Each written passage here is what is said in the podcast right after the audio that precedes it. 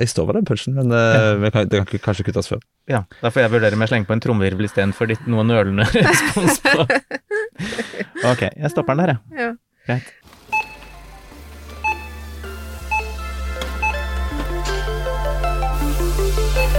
Hjertelig velkommen til Handlevogna! Jeg heter Bendik Solum Wist og er bransjedirektør for dagligvare i Virke. Og Jeg heter Runar Viksnes, og jeg er sjefanalytiker i Virke. Og i dag, Runar, skal vi kose oss med litt mjølk. Ja, kua mi, jeg takker deg. For all den deilige mjølka, yoghurten og osten som du gjør til meg. Altså, vi er et uh, folk uh, som er glad i uh, maten til kalven, Mm. og eh, la denne episoden stå i mjølkas tegn. Ja, fordi det som eh, står på spill nå, det er nemlig konkurransen i meierimarkedet.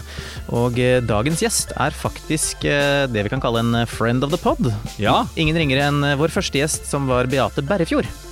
Hun er altså sjef i eh, den avdelingen i Konkurransetilsynet som har ansvar for dagligvaremarkedet. Deriblant også mjølkemarkedet. ja. Og der har de kommet med noen saftige meninger om eh, sektorens eh, framtid. Ja, fordi regjeringen har lagt ut noen forslag på høring. De vil fjerne noen eh, konkurransefremmende tiltak i denne sektoren, og det er Konkurransetilsynet svært skeptiske til. Og vi skal høre med Beate hvorfor de er så skeptiske, og hvordan de ser for seg meierifremtiden i Norges land. Ja.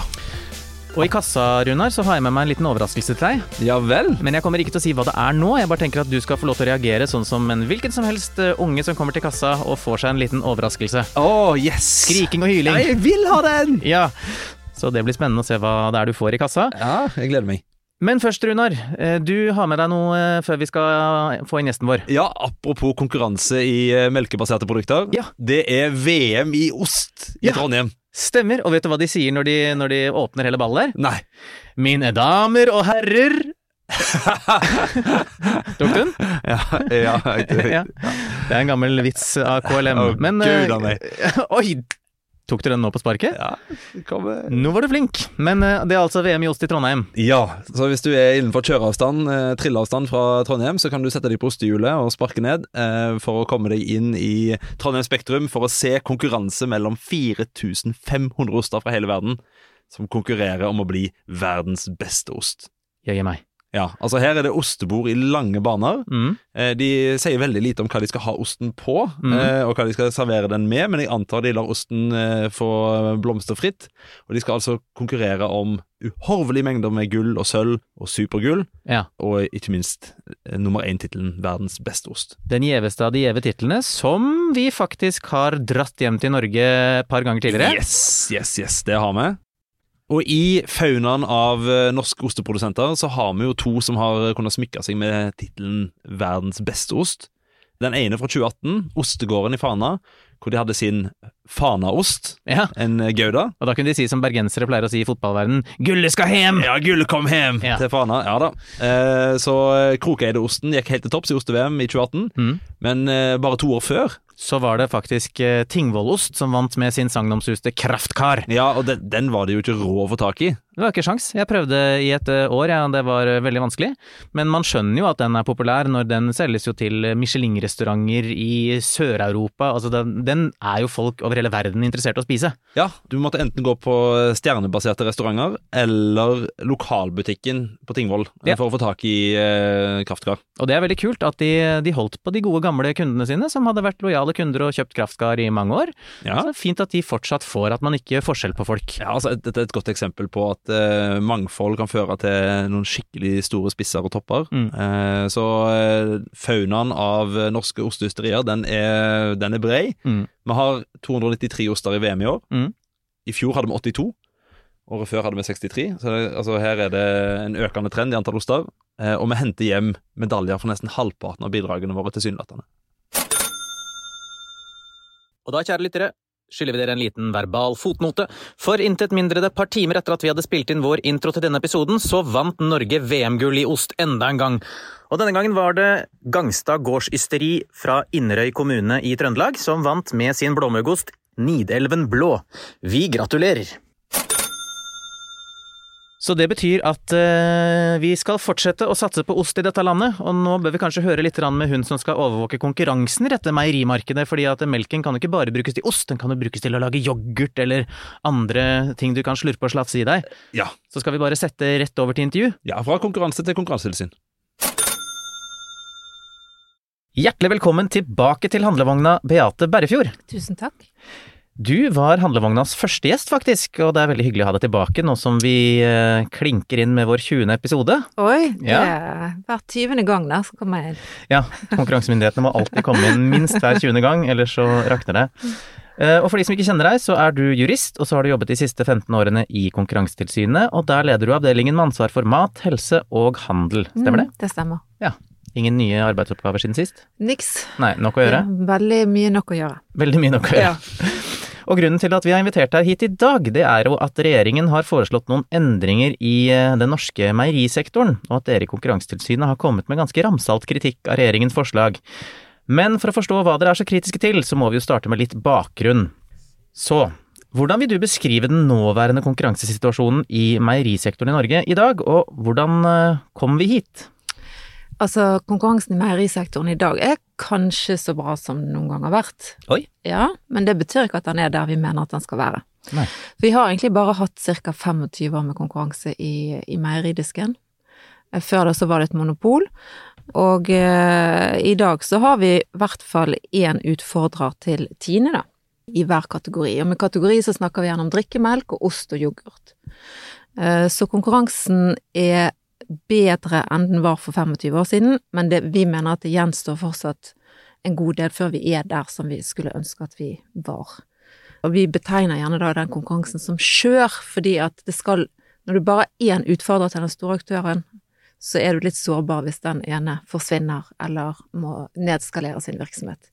Så derfor er vi veldig opptatt av konkurransen i meierimarkedet. Og så er jo meierimarkedet, eller markedene, eh, en del av dagligvaremarkedet, som vi også er veldig opptatt av. Så det er klart at eh, her er det viktig for oss å gjøre hva vi kan for å sikre best mulig konkurranse i disse markedene. Men du nevnte for 25 år siden, hva var det som skjedde da? Hva var situasjonen før det? Før det så var det et monopol. Som het Som het eh, Det het vel Tine akkurat når det ble monopol òg, men så var det Norske Meierier, sikkert mange som husker det sånn. Ja. Eh, Og så ble det åpnet da for, for konkurranse i dette markedet, og så fikk vi inn eh, utfordrere til Tine. I flere kategorier som yoghurt og drikkemelk og, og, og ost. Mens eksempel på smør så er det fortsatt vanskelig å få det helt til, da. Så der er det stort sett også bare Tine som er fremdeles. Og hvem er da disse utfordrerne som dukket opp eh, da det ble åpnet for konkurranse i meierisektoren? I dag så har man, vi snakker helst om mm, tre stykker da. Det er eh, ku, som er på yoghurt og spesielt drikkemelk. Og så er det Snøfinden, som også er på yoghurt, men ost. Eh, og så har vi Rørosmeieriene, men de er en veldig liten aktør på, på drikkemelk og, og, og sånne ting. Sånn at de, eh, ja, de er dessverre små ennå, så får vi håpe at de vokser litt, de òg. Er det noen av de nye konkurrentene som eh, konkurrerer med Tine i alle markedene? Uh, nei, det er det ikke. Og dette er altså norske konkurrenter, men hva med utenlandske? Er det noen uh, yoghurt- eller melkeprodusenter som uh, konkurrerer med Tine i det norske markedet? Ja, så vi har, vi har en som heter Denone, Denon, Denon, jeg husker aldri helt hvordan Danone? Er det de som Danone. lager sånne Er det det det heter? Ja. små, små yoghurter som Ja. man sender med i matpakken til Ja. barna på, Ja, på skolen? Det, det er med den søte dinosauren på. Ja. Ah, Mm. De har man på yoghurt, og så har man noe på ost. Men det som er litt viktig å si når det gjelder ost, da, det er at eh, ost har veldig mange underkategorier. Sånn at på noen litt sånn sære oster, han har sagt, som eh, Ost er ikke ost. Nei, ost er ikke ost. Bare. Jarlsberg Jarlsberg, for eksempel. oh, ja, men det er mer en sånn merkevarebyggingssammenheng. men, men ost er ikke ost. Nei, ost er ikke ost. Du vil ikke erstatte en, eh, en hvitost med en roquefort, eller du vil ikke erstatte en brie med brunost, altså den type ting. Sånn at du har veldig mange underkategorier av ost.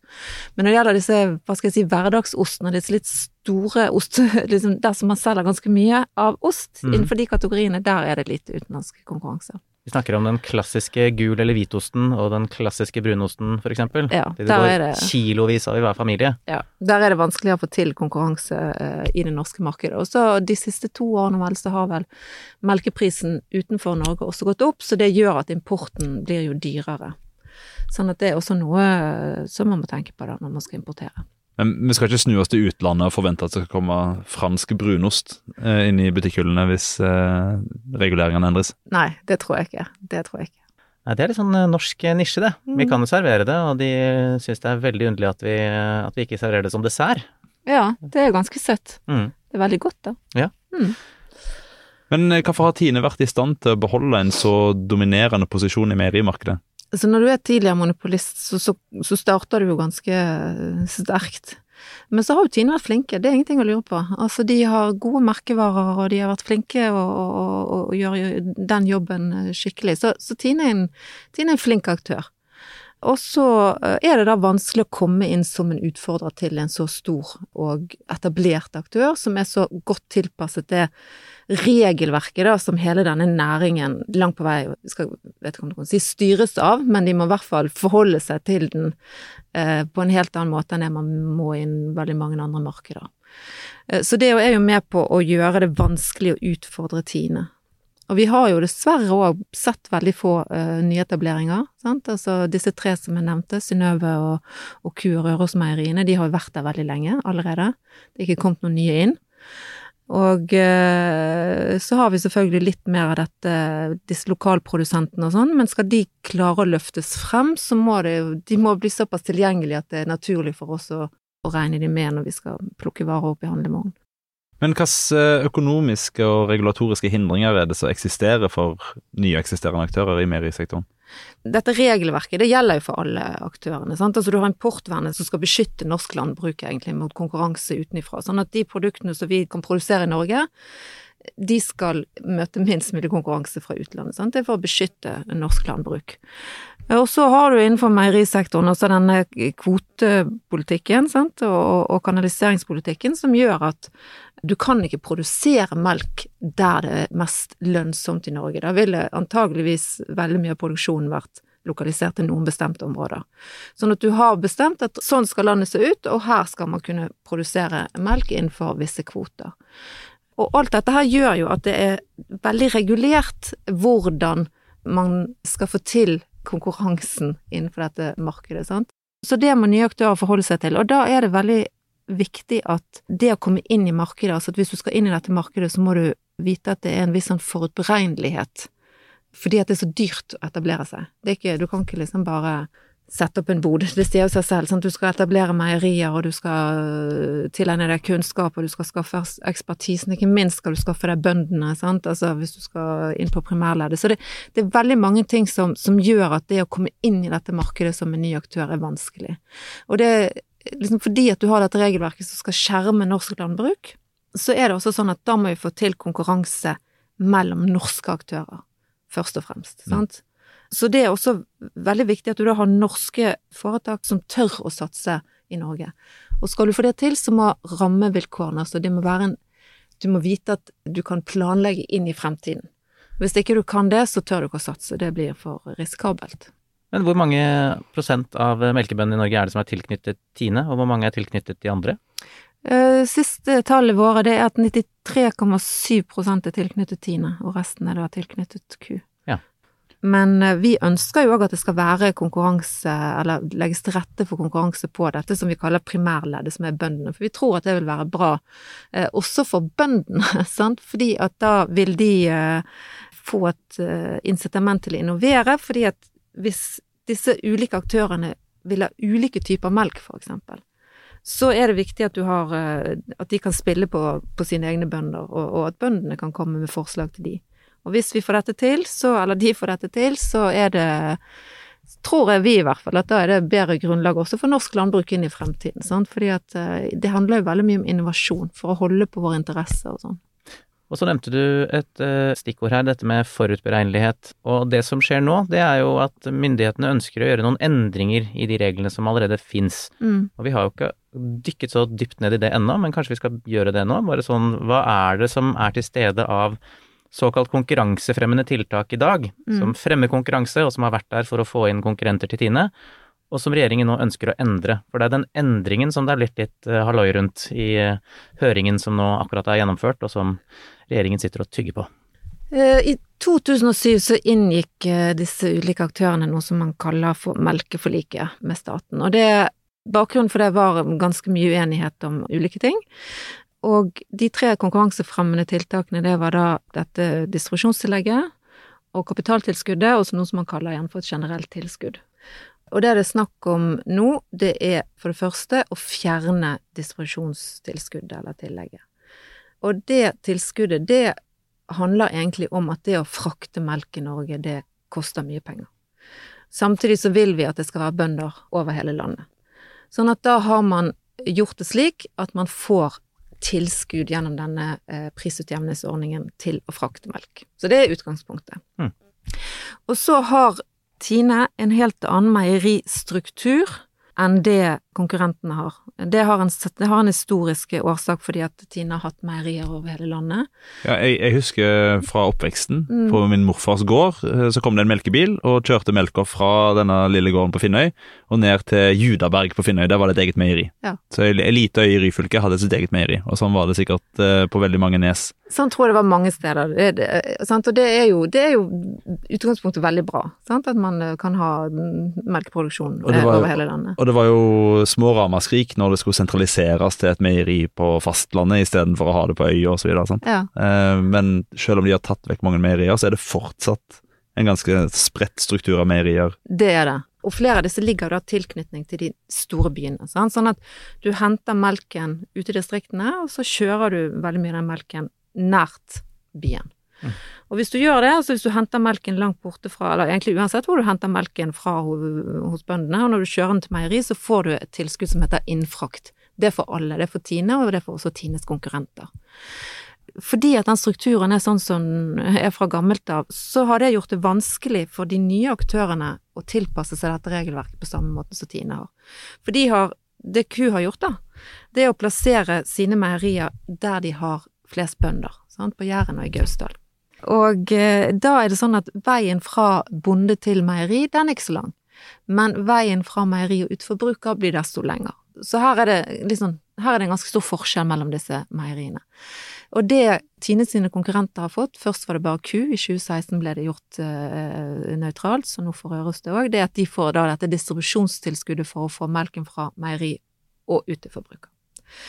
Eh, og når de kutter dette, eller hvis de skal kutte dette, så er jo vi redd for at hva skal jeg si, mye av grunnlaget for disse utfordrerne til Tine forsvinner. Altså at det vil være vanskelig for de å, få til den konkurransen som vi ønsker at de skal få til. Fordi at de vil gå tilbake til denne strukturulempen som var hele utgangspunktet for tilskuddet, da. Så det er derfor vi fraråder å gjøre den endringen. Så det er den ene endringen som, som er foreslått. Og så har de også foreslått å fjerne den såkalte femøringen fra kapitaltilskuddet. Dette er også veldig teknisk. Men i 2017 så ble det innført en femøring som et tillegg til kapitaltilskuddet. Kapitaltilskuddet det er noe som gis til konkurrenter til Tine for at de skal kunne matche Tine sin pris til bøndene. Men for å gjøre det litt mer tiltrekkende, sånn som vi var inne på, sant? eh, tallet på bønder som er tilknyttet konkurrenter til Tine er veldig lavt, sant? når Tine fortsatt har 93,7% Så for å gjøre det litt mer attraktivt å få, å få til konkurranse også på dette eh, leddet, så la man til en femøring. Mm. Ja. Og det er den femøringen som nå eh, er foreslått tatt bort. Og så sier vi det syns vi er så veldig lurt, for man bør kanskje heller styrke det, sånn at det skal bli ytterligere litt mer attraktivt å knytte seg til en annen aktør enn Tine, fordi at da vil man få til forhåpentligvis økt konkurranse også på det leddet. Og alt koker jo ned til at vi tror at det vil være bra for eh, bøndene, eh, for, for konkurranse vil være bra for innovasjon, men også fordi at det vil være bra for forbrukere at det er konkurranse også på det leddet. Ja, apropos innovasjon, for det er det man ønsker å få til her. Mm. Hvilke eksempler på innovasjon har vi sett som følge av at Tine har hatt konkurranse de siste 25 årene? Altså sånn som vi forbrukere kan eh, huske tilbake på? For det første så er det jo langt flere varianter av ting. Sant? Flere varianter av yoghurt, og flere smaker, og flere med og uten eh, D-vitamin. Og, altså, sant? Så det, du, har, du har mye mer å, å velge i som forbruker innenfor de kjente kategoriene. Mm. Eh, og så kommer det jo stadig nye produkter òg. Nå Skyr og jeg husker ikke alle sammen, men altså det er, det er innovasjon, da. Sant? Og på produkt, eh, hva skal jeg si, denne her emballasjen, altså den type ting. Sant? Så skjer det jo hele tiden. Ja, eh, ting. Skrukorken på melkekartongen, kom ikke den som en, eh, fra en av konkurrentene? Jo, det mener jeg det. Ja. Så, Det får vi ja. kanskje faktasjekke før vi publiserer dette. Jeg vet ikke fasit på det, men, men det er åpenbart at eh, når det er mer enn én aktør, så kan du ikke lenger eh, behandle kundene sånn som du syns det passer. Da Nei. må du plutselig forholde deg til en ekstra aktør, Mhm. eh, og så må du reagere på det de andre gjør. Og nå er det jo selvfølgelig sånn at vi husker ting som vi vil huske, men jeg har en opplevelse av at de første eh, ti årene av den konkurransesituasjonen, så skjedde det ikke så veldig mye med utvalget av yoghurt og produkter. Men de siste 15 årene så har det skjedd veldig mye. Mm. Nå kan du jo velge både greske og norske yoghurtvarianter eh, fra norske produsenter i hyllene, og du kan velge forskjellige smaker og størrelser og kombinasjoner. Mm. Ikke bare fra konkurrentene, men også fra Tine. Ja, altså, sant, så, konkurranse spiller jo eh, alle gode. Sant? Altså, Tine blir jo bedre med konkurranse. Og det er veldig eh, viktig å få frem at konkurranse handler jo om å få ut eh, det beste i aktørene, både i forhold til innovasjon eh, og i forhold til å presse på pris. Så konkurranse er bra for de det gjelder òg. Og så tror jeg òg at det er viktig å huske på at hvis du bare durer frem i den verden vi lever nå, sånn som man alltid har gjort det, så tror jeg veldig mange forbrukere vil finne helt kanskje andre alternativer, sant? eller de vil miste interessen eller sånne ting. Så det å innovere i disse meierimarkedene tror jeg er veldig viktig for, for norsk landbruk også, fordi at vi trenger den utrolig gode norske melken. Men øh, hva frykter dere i Konkurransetilsynet vil skje da, hvis regjeringen nå får gjennomført de endringene de har foreslått, og har dere eventuelt et alternativt forslag til hva de skulle bare sittet stille i båten og gjort ingenting? Hvis man ikke tenker at ok, nå skal vi gå inn og utrede og se om vi kan ta noen nye grep og gjøre noen helt andre ting i dette med markedet for å få til en god konkurranse til fordel for både bønder og forbrukere, så tenker vi at da bør man i hvert fall ikke ta bort eh, de konkurransefremmende tiltakene sånn som de er i dag. For de har hatt og har en funksjon. Det er jo ganske omfattende endringer. Mm. Syns du regjeringen argumenterer godt for hvorfor de ønsker å gjennomføre det? Jeg syns vel at høringssvaret er litt knapt på bakgrunnen. Altså Landbruksdirektoratet hadde en ganske omfattende og stor rapport på nesten 200 sider der de diskuterte en god del av, av disse spørsmålene, som, som jeg syns vel mangler litt Altså jeg får ikke helt tak i nødvendigvis eh, alle argumentene for de endringene som nå er foreslått. Men fordi i den, I den utredningen til Landbruksdirektoratet der konkluderer de vel med at disse konkurransefremmende tiltakene fungerer etter hensikten, og hvis du tar de bort, så vil du få det verre. Ja, den overordnede konklusjonen er det. Så har de stilt spørsmål ved distribusjonstillegget, og det, noe av det som de peker på, det er jo håndhevingen av det. Og der har vi vært enige i den forstand at det å ha et regelverk som er enkelt å forholde seg til, både for de som dette regelverket gjelder for, altså aktørene, og for de som skal håndheve det, så er det viktig at det er enkelt eh, mulig. Og det, det er jo forhold som kan tyde på at akkurat nå kan det tolkes på litt ulike måter, og det er ingen tjent med. For da kan du risikere at ja, den forutberegneligheten som aktørene trenger for å investere i disse markedene, den forsvinner. Og det vil heve det som vi kaller for etableringshindringene. Det er ikke bra for konkurransen. Men når det gjelder dette kapitaltilskuddet som eh, nå for, Altså der hvor femåringene er foreslått fjernet, der er Landbruksdirektoratet tydelig på at de mener at dette tilskuddet bør bevares eller styrkes. Mm. Og ja, den overordnede konklusjonen deres er at eh, disse tiltakene har fungert etter formålet, og at man kan risikere eksempel økt import hvis man fjerner disse tilskuddene, da. Så hvis tiltakene blir gjennomført sånn som regjeringen har foreslått, eller jobber nå med å gjennomføre, hvem vil få det bedre? Det som jeg er redd for, da, det er i hvert fall at norske forbrukere ikke får det bedre, og at konkurransen i dagligvaremarkedet blir forringet, for å bruke et litt uh, fjollete ord. Ja. Og så er jeg på sikt, eh, helt ærlig altså, liksom litt redd for at hvis vi reduserer grunnlaget for konkurranse i disse markedene, så vil det også på sikt kunne ha noe å si for norske bønder. Så vi er også opptatt av at dette har en betydning ikke bare for forbrukerne, hvilket vi mener helt åpenbart at det har, men også for bøndene i Norge.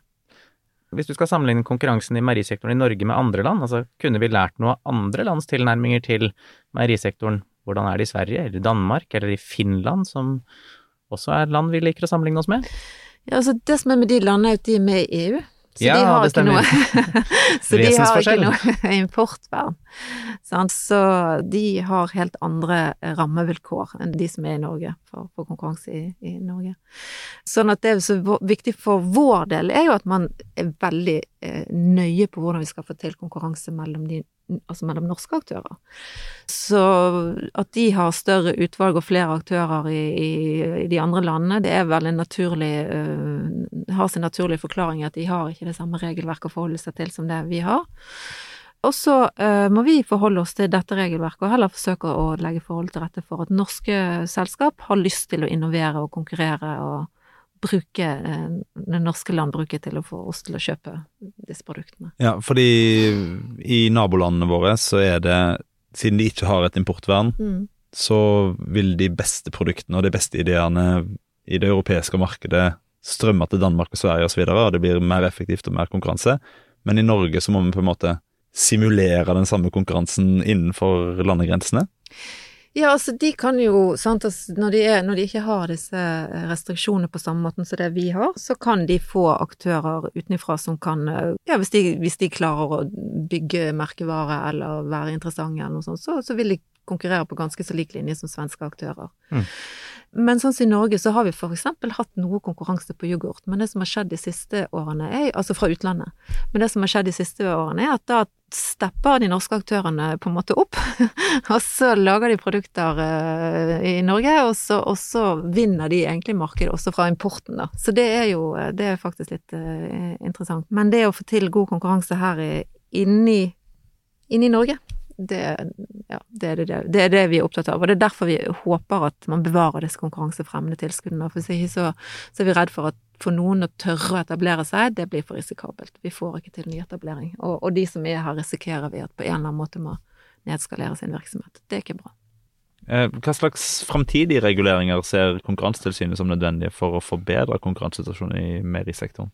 Vi har ikke noe sånn eh, alternativ reguleringsforslag nå men uh, vi har jo tatt til orde noen ganger for at det burde vært gjort en helhetlig evaluering av hele reguleringssystemet i disse markedene, fordi at det er litt et sammensurium av regler som man får holde seg til, eh, så det er ikke helt lett å få tak på, og det kan jo òg hende at med alle de årene som er gått, så er det grunnlag nå å foreta en fornyet vurdering. Funker dette etter hensikten, og får vi til sånn som vi vil, eh, at det er konkurranse, men at man òg passer på norsk landbruk. Sånn at det tenker vi kan være fornuftig. Men uten en sånn gjennomgang, da, så mener vi at det å bevare de konkurransefremmende tiltakene, det er det viktigste vi gjør eh, akkurat nå. Og at man sikrer at de fungerer på en sånn måte at dersom noen har lyst til å etablere seg, så kan de se et godt stykke inn i fremtiden og vite hva de har å forholde seg til. For hvis ikke så er det for kostbart og risikabelt å etablere seg her. Mm, for, hva ser du for deg er fremtiden for konkurransen i meierisektoren i Norge? Jeg håper jo at den eh, vil, eh, han har sagt, eh, blomstre videre, og aller helst at vi får flere aktører inn i markedet som kan utfordre hverandre. For det vil være det beste for oss, og det vil være et gode for bruken av norsk melk. Så det er jo det vi håper for og forsøker å arbeide mot, da. Og Beate, du har jo vært her før. Vi har jo et obligatorisk mm. spørsmål på slutten. Et dobbeltspørsmål, faktisk. Jeg bare lurer på om du husker hva du svarte sist på hva er din favorittmatrett hvis du er gjest eller går ut for å spise, og hva er din signaturrett hvis det er du som skal få gjester på besøk? Husker du hva du svarte? Vet i hvert fall at jeg svarte noe om at pizza er det beste, yes. beste jeg vet. Pizza margarita. Pizza margarita. Så spennende er jeg. Er det fordi at konkurransesituasjonen er så god innenfor pizzamarkedet? ja, det er mange ulike, men jeg kjøper Det er ikke ferdigpizza vi snakker om her. Det er eh, heller ikke min egen pizza, for den er det ingen som liker. Men eh, det er sånn litt mer avansert bestilte bestilt pizza. Ja. Det jo, så det er jo en del leverandører der, og det er veldig bra vi bruker, tester ut mange forskjellige. Mm. Det er stor uenighet om hvem som er best.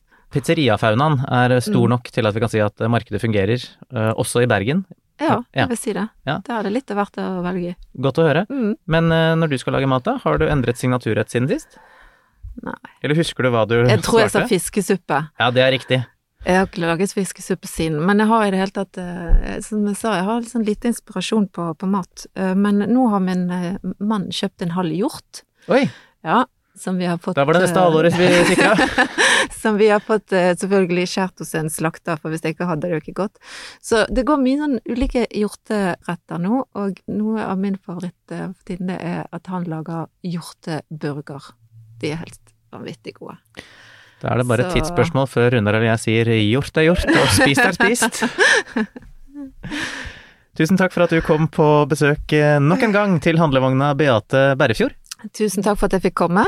Ja. Og eh, da er det vel 20 episoder til du kommer tilbake igjen. Ja, det er spennende. Hva blir tema da?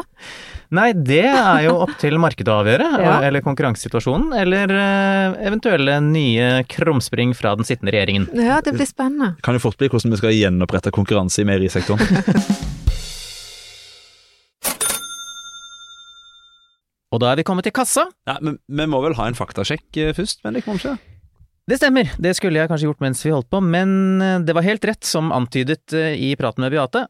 Det er nemlig at skrukorken, det var det en av Tines nye konkurrenter som fant opp, nemlig Kumeieriene. Ja. Og ca. fem år etter at de introduserte den, så kom Tine etter. Selv om det kostet mer å lage sånn type kartong, så var det noe kundene satte så mye pris på at da gjorde konkurransen at Tine måtte være med. Ja. Og det er veldig bra. Um, Det var vel å merke før skrukorkene ble fastmontert på kartongen. Var det det? Ja, for de første skrukorkene kunne du ta helt av. Oh. Det var godt likt. Men det er nye skrukorkene som eh, av hensyn til miljøet må henge ja, de fast nye, nye, nye. Ja, de Ja, ja. siste versjonene. Ja, de som folk river av seg håret på. Ja, ja, Ja. fordi du, du, du prøver å helle ut litt fløte eller melk, og så, så spruter det i alle retninger fordi du henger fast i korken. Ja, og Det er mer sånn IQ-test, det. av sånn sånn. ja, det var IQ-meieriene som kom med. Oi, nå er du på. Men uh, vi var som sagt kommet i kassa. Uh, Ja. Faktasjekken er gjennomført, og uh, i kassa så tenkte jeg at jeg skulle bare ha med en liten gåte til deg. Ja vel. Apropos det vi snakket om først, nemlig ost. Mhm. Hvilken musikk hører osten på? Hvilken musikk hører osten på? Ostepop. Ok, en til. Okay. Hvilken ost spiste de i middelalderen? Dette blir for cheesy. Hvilken ost spiste de i middelalderen? Nei, det må være ridderost. Det er helt riktig. Men eh, jeg dro deg ikke hele veien til kassa, Runar, bare for å få en, en dårlig ostevits. Eh, du skal også få en fun fact, eller du kan få lov å gjette. Oh, ja. Hvis eh, Det handler fortsatt om melk, men hvis du skal til England for å se på fotballkamp, f.eks. på Wembley stadion, Mhm. den er ganske stor, Ja, den er stor. mm, har du vært der? Ja, jeg var der på konsert eh, for noen år siden. Ja, Var det veldig mye melk der da? Nei, det var ikke så plagsomt mye melk der. da. Men hvis du skulle fylt den til randen med melk, hvor mange liter melk får du inn da? Oi! Det er jo plass til ganske mange melk inni liksom, Hvis en begynner med femmeteren på fotballbane, så er det plass til ganske mange melkekartonger der. Utrolig. Eh, nei, vi må vel opp i for langt forbi millionene. Kanskje vi må opp i milliarder, til og med. Ja, det, ja, det er riktig. Vi skal opp i faktisk eh, fire milliarder liter melk dersom eh, nettsiden til Wembley stadion faktisk eh, ikke ljuger. Ja. Og det får vi anta at den ikke gjør. Så og hvorfor jeg vet dette, ikke spør. Har Eh, prøvd? Nei, Eh, men det skulle i hvert fall være nok melk til eh, å dekke hele Storbritannias eh, konsum av melk i ett år. Ah, det er en fiffig alternativ anvendelse av Wembley. Hvis eh, idrett blir forbudt, men det er behov for å lagre melk, Så er det en stadion som står der og bare venter. Ja, trekk presenning rundt. Men da er det på tide å parkere handlevogna for denne uka. Ja, ta med melkekartongene under armen og spasere hjem for å spise ost. Absolutt. Og kjære lyttere, husk å abonnere og anbefale oss til en venn. Ja, snakk om oss til andre. Ja, det er det viktigste du gjør. Og med disse bevingede ord sier vi takk for oss. Hei!